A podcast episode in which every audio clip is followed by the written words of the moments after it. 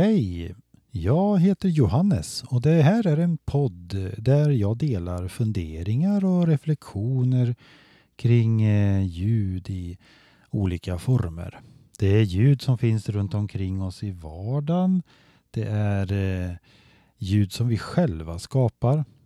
Musik och vad det kan vara att arbeta med ljud som ljudtekniker. Att ibland eh, eller för en längre tid försöka undvika ljud och vila öronen från ljud. Så välkommen till Livsljudpodden.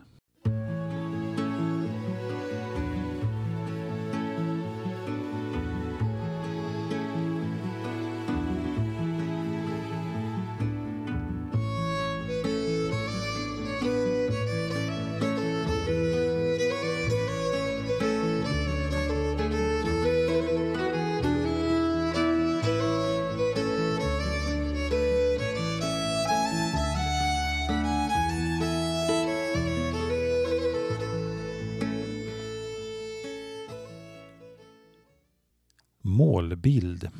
Det ska man ha för att lyckas. Kanske ett relativt nytt begrepp, men att ha en förebild och att inom sig få en idé, eller kanske just målbild, är inte nytt. Det är nog till och med väldigt djupt rotat inom oss. Att se andra utföra någonting och sen härma. Ja, så lär vi oss faktiskt så gott som allting. Från det vi är små, små bebisar till vuxen ålder. Det bygger liksom våran personlighet och hur vi gör saker och ting. När jag står till exempel vid skidklubben hemma i Mälsta i Borlänge och ser en ledare visa hur man genomför ett effektivt och ekonomiskt eh, eh skateskär. Så då är det lätt att tänka ibland och det där kommer jag aldrig klara av. Då lutar sig en annan som deltar i samma grupp mot mig och viskar. Det där är målbilden. Tack Mikael för förebilden och Åsa för hjälpen att lyfta blicken och kunna se bilden långt där framme. Sedan bär det av.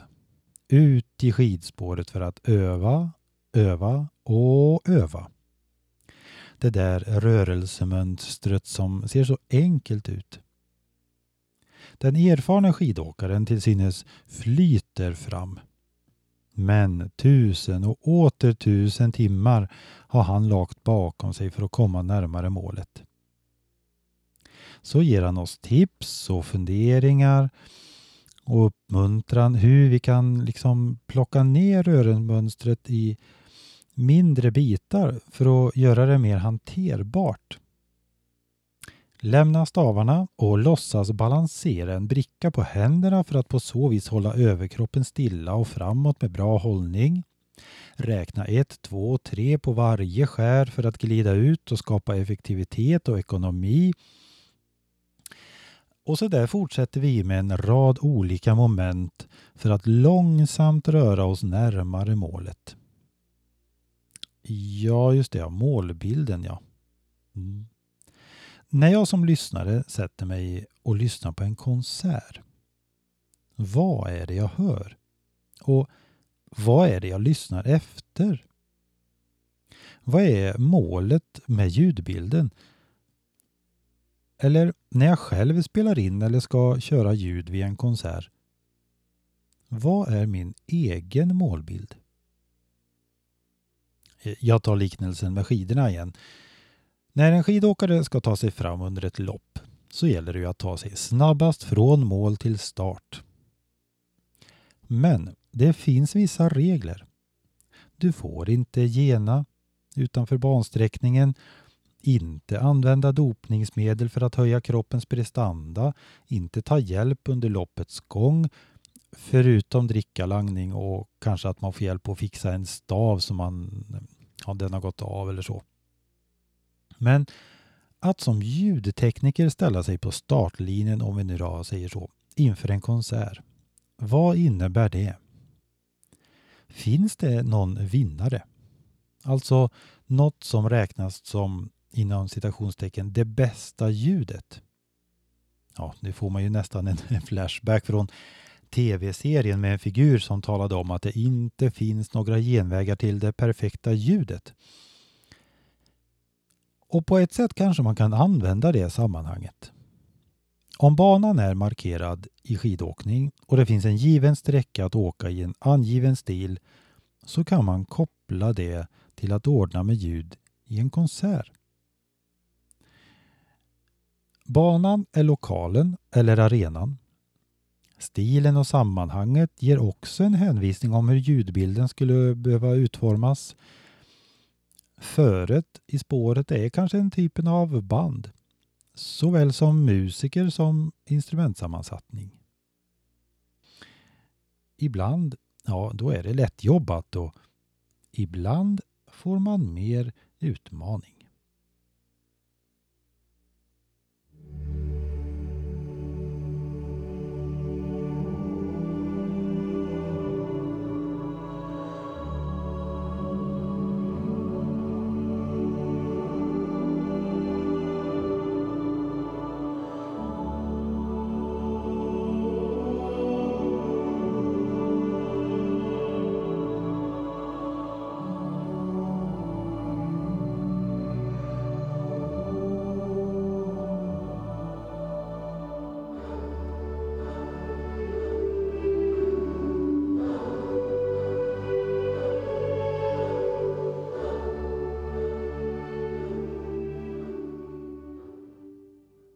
Hur håller man sig då till den här bansträckningen?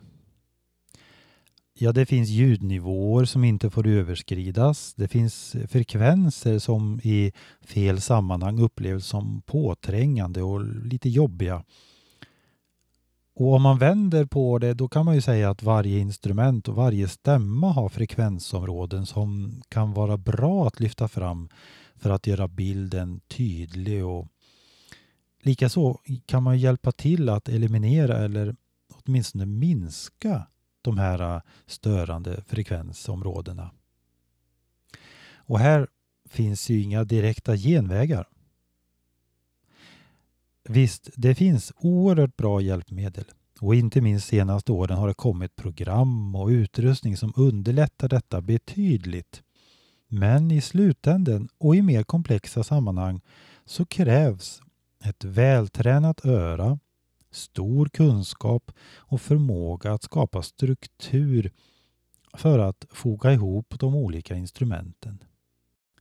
Långt innan den elektriska ljudtekniken fanns, ja, vi kan nog backa många hundra år, tänkte man och man kände, skrev och arrangerade musik med olika stämmor i olika instrument. Och då liksom nu. Då skrev man in nyanser. Man tänkte liksom att så här känner jag att, eller så här vill jag skapa en stämma och en stämning i en stämma för att skapa balans och lyfta fram rytmer, soloinstrument eller en stämning. Att arbeta så här med musik det är liksom grunden för den musik vi har runt omkring oss. Vare sig den är tänkt för spel, filmer, klassiska konserter, den irländska pubaftonen eller rockkonserten på Ullevi. Varje stämma, varje instrument har sin plats och har olika roller från gång till annan. Det gäller att skapa liksom ett utrymme för varje pusselbit. Är det ett band som kompar en solist? Eller är det a cappella, kör, instrumentalband? På samma sätt som när man tränar skidtekniken och delar upp ett moment i mindre bitar så handlar det om att förstå och kunna ta tillvara varje del i orkestern.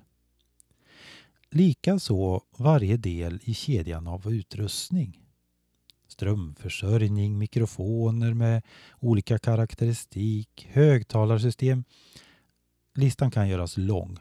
Men jag ska inte räkna upp allt utan jag konstaterar bara att ju bättre koll jag har på varje detalj desto bättre förutsättning får jag för att skapa balans, välljud och en lyssningsbar ljudbild. Det finns kanske inte något synligt målsnöre att passera först, så att säga. Men när de där detaljerna sitter på plats, arrangören är nöjd och jag har en nöjd och god känsla i maggropen. Ja, då är det kanske så att ett mål har nåtts. Ett mål gott som något. Tack för att du har lyssnat. Vi eh, hörs.